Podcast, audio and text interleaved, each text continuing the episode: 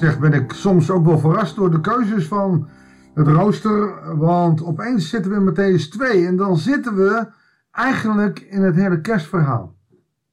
Natuurlijk na de geboorte van Jezus.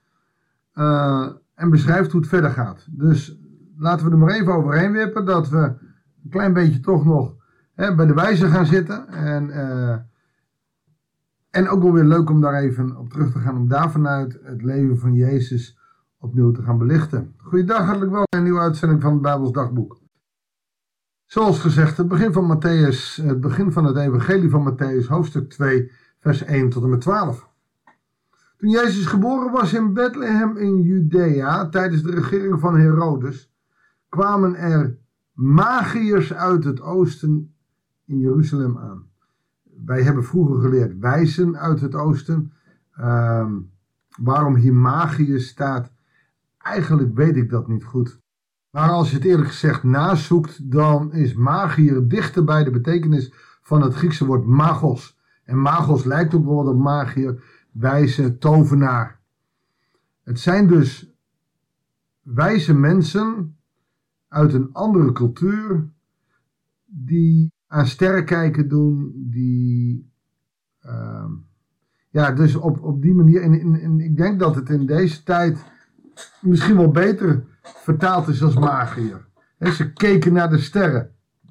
Als ik nu zeg, nou, ik zie in de sterren dat wij dit jaar gelukkig worden, of wat ben je voor sterrenbeeld, dan word ik als voorganger heel snel raar aangekeken. Weer zal het wellicht ook liggen. Maar goed, ze hadden in de sterren zien en ze gaan op weg. En ze vroegen, waar is de pasgeboren koning van de Joden? Wij hebben namelijk zijn ster zien opgaan en zijn, komen, zijn gekomen om hem eer te bewijzen. Koning Herodes schrok hevig toen hij dit hoorde en heel Jeruzalem met hem. Dat is onzin. Jeruzalem schrok niet. Dat is alleen om te laten zien dat het koning Herodes dus serieus is.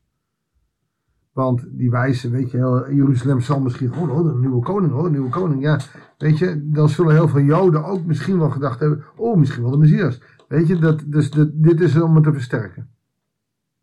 Hij riep alle hoge priesters en schriftgeleerden van het volk samen om aan hen te vragen waar de Messias geboren zou worden. Uh, Messias, ho Christus, uh, dat is, uh, wordt vereenzelvigd met uh, Christus, met de gezalfde. In Bethlehem in Judea, zeiden ze. Dus de schriftgeleerden kenden de schrift in ieder geval wel dat het voorzegd is. Want er staat geschreven bij de profeet. Micha 5 vers 1. En jij, Bethlehem, in het land van Juda, dit staat in Micha, bent zeker niet de minste onder de leiders van Juda. Want het jou komt een leider voor die mijn volk Israël zal hoeden. Het grappige is, als je deze tekst letterlijk neemt, is het Jezus niet die het volk is gaan hoeden. Hij heeft het blijde nieuws verteld. Uh, en uiteindelijk, zeker in het begin, hebben heel veel Joden het niet aangenomen en lieten ze zich niet hoeden. Dus eigenlijk is dat ook wel apart. Uh, om, om dan die associatie te maken. Maar goed, dat is zomaar een gedachte. Daarop riep Herodes in het geheim de magiërs bij zich en hij wilde precies van hen weten wanneer de ster zichtbaar geworden was. En stuurde hen vervolgens naar Bethlehem met de woorden: Stel een nauwkeurig onderzoek in naar het kind. Hij bericht zodra u het gevonden hebt, zodat ik er ook heen kan gaan om hem eer te bewijzen. Wat hij doet, hij paait ze hier met hun wijsheid. Jullie zijn zo slim, als je het gevonden hebt, moet mij vertellen, dan kan ik gewoon eer bewijzen. Nou, we weten dat hij daarin zo hypocriet is als de Pieter. Nadat ze geluisterd hadden naar wat de koning hun opdroeg, gingen ze op weg. En nu ging de ster die ze hadden zien opgaan voor hen uit, totdat hij stil bleef staan boven de plaats waar het kind was. Toen ze dat zagen, werden ze vervuld van diepe vreugde. En nou moet je opletten wat er gebeurt. En, en dat is ook wel leuk om na te kijken. Matthäus 2, vers 11. Ze gingen het huis binnen en vonden het kind met Maria zijn moeder. Wow. Nergens in het evangelie, ik ben een kerstkatter hoor, maar nergens in het evangelie vind je dat hij in een stal geboren is, maar wel in een huis. En al die liedjes, ook de ouderwetse, ook de gezangen en, en Johannes de Heerliedjes hebben het over een stalletje, over een stal. Nergens staat die stal. Die staat in de kinderbijbels. Dat is ooit door een paus van 450 jaar geleden verzonnen om een, spannend verhaal voor de kinderen van kerst te maken, omdat kerstfeest wel heel belangrijk was. En is het erg? Nee, maar er staat gewoon letterlijk, en ook het Griekse woord uh, oikia betekent huis of gebouw. En nergens zie je daar dat het een stalletje is. Nergens. Grappig hè? Nou, we hebben dat geleerd, dat stalletje. Hij is niet geboren in een stal. Hij, uh, uh, de, herders, de herdertjes zijn geen uh, kleine kinderen. En de engeltjes, nou weet je, de engelenmacht, dat was een legermacht die vijanden kon verslaan. Dat waren ook geen engeltjes. En de herders, die heb ik afgelopen kerst nog vergeleken met Hells Angels. Met mensen waar we, als het donker is, eigenlijk met een grote boog omheen lopen. Um, want het was vaak het uitschot. Mensen die geen baan konden krijgen. En ze waren soms wel een week op het land. Maar de wijzen, de magiërs, ze gaan het huis binnen en vonden het kind met Maria zijn moeder. Een herberg, een restaurant of wat dan ook. Nee, een huis buiten uh, Bethlehem. Ze, gingen, uh, ze wierpen zich neer om hem eer te bewijzen. Daarop openden ze hun kistjes met kostbaarheden en boden het kind geschenken aan goud, wierook en mirre. Als ik dat zo lees, denk ik nu, dat is een foute gedachte, wat zouden ze daar nou mee gedaan hebben? er wordt op moment gesproken dat Jezus naar zijn huis ging in Capernaum. Zou hij daar een huis van gekocht hebben? Wat zou hij met die wierook gedaan hebben? Zouden zijn ouders dit geconfiskeerd hebben?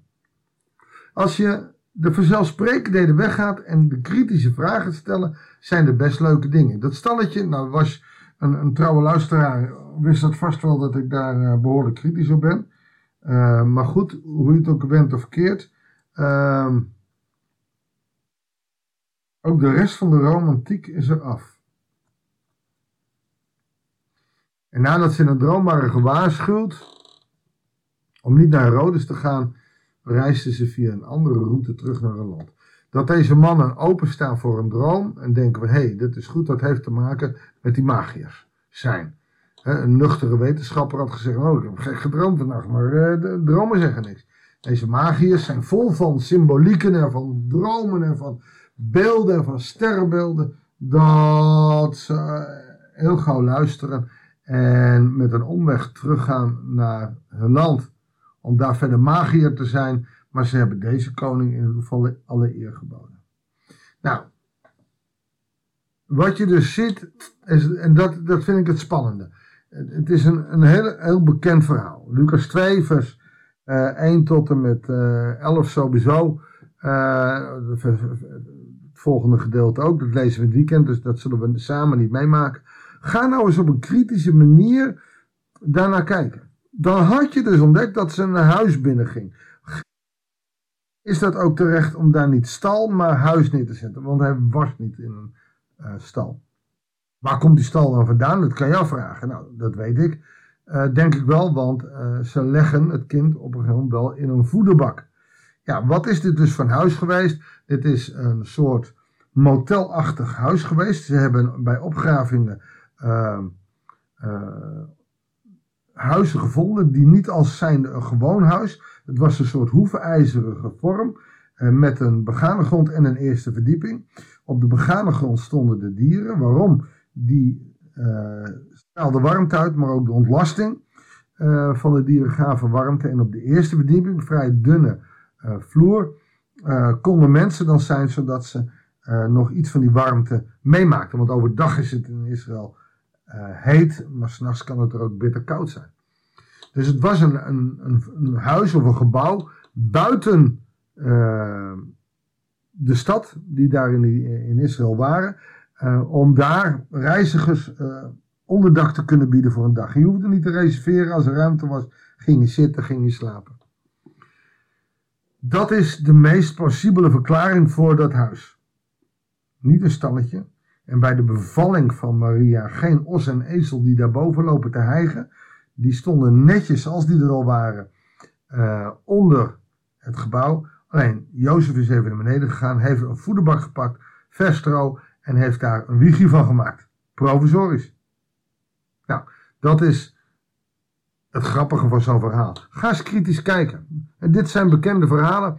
Ga nou eens kritisch naar. Wat staat er? Wat gebeurt er? En zie dan en ontdek dan dat jij dingen leest die er niet staan. Want de meeste van jullie zullen ongetwijfeld altijd dat stalletje voor ogen hebben. En dat mag hoor, ik bedoel, vind het niet erg. Maar als je kritisch leest, lees je nergens van een stal. En de eerste, de beste, die mij kan vertellen waar het staat over het stalletje in de Bijbel. Dus dan heb je twee evangelisten die over de bevalling en over de geboorte van Jezus spreken. Ja, dan ben je een knappe jongen of meid. Maar je vindt het niet. En alleen op deze plek zie je een huis. En dat vind ik grappig. We moeten, want dat is wat ik eruit leer, kritische kijken naar wat er staat. En, en bedenken van oké, wat betekent dat? En wat hebben we altijd geleerd? Want ik weet zeker dat velen van jullie uh, heel veel toch wel verkeerde informatie hebben ontvangen of hebben verwerkt vanuit de Bijbel en de peuter- en de kleuterschool. Niet dat het erg is, maar je moet er je van bewust zijn. Uh, in, in sommige gevallen, als ik bijvoorbeeld catechisatie geef en het vraag, dan vraag ik bijvoorbeeld naar een kennisvraag: uh, wie weet waar Abraham geroepen is? Lees de gemiddelde kinderbijbel erop na, dan is hij in Ur geroepen. En de vraag is of dat zo is. Nou, gewoon even een kleinigheidje. Is het belangrijk? Ja, ik vind het belangrijk. Niet zozeer inhoudelijk is het belangrijk, maar wel dat we daarmee aanwijzen dat we zelf de Bijbel moeten lezen, kritisch moeten lezen en ontdekken wat God ons te vertellen heeft. En het mooie nu dat uh, de koning Herodes, die kan manipuleren wat hij wil. Hij heeft Jezus niet kunnen doden. Dat is wat hij wilde. Daarin zie je dat God altijd met hem was. Laten we bidden. Heere God, dank u wel dat we de Bijbel mogen lezen.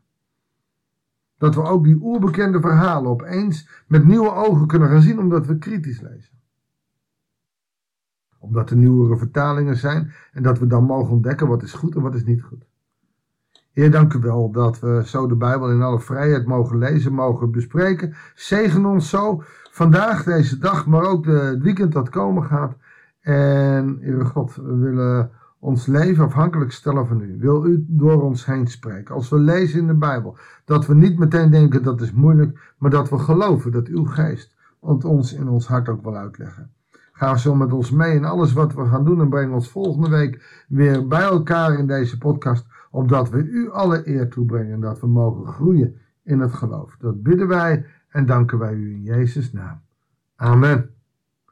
Ik wens je God zegen en heel graag tot de volgende uitzending van het Bijbelsdagboek.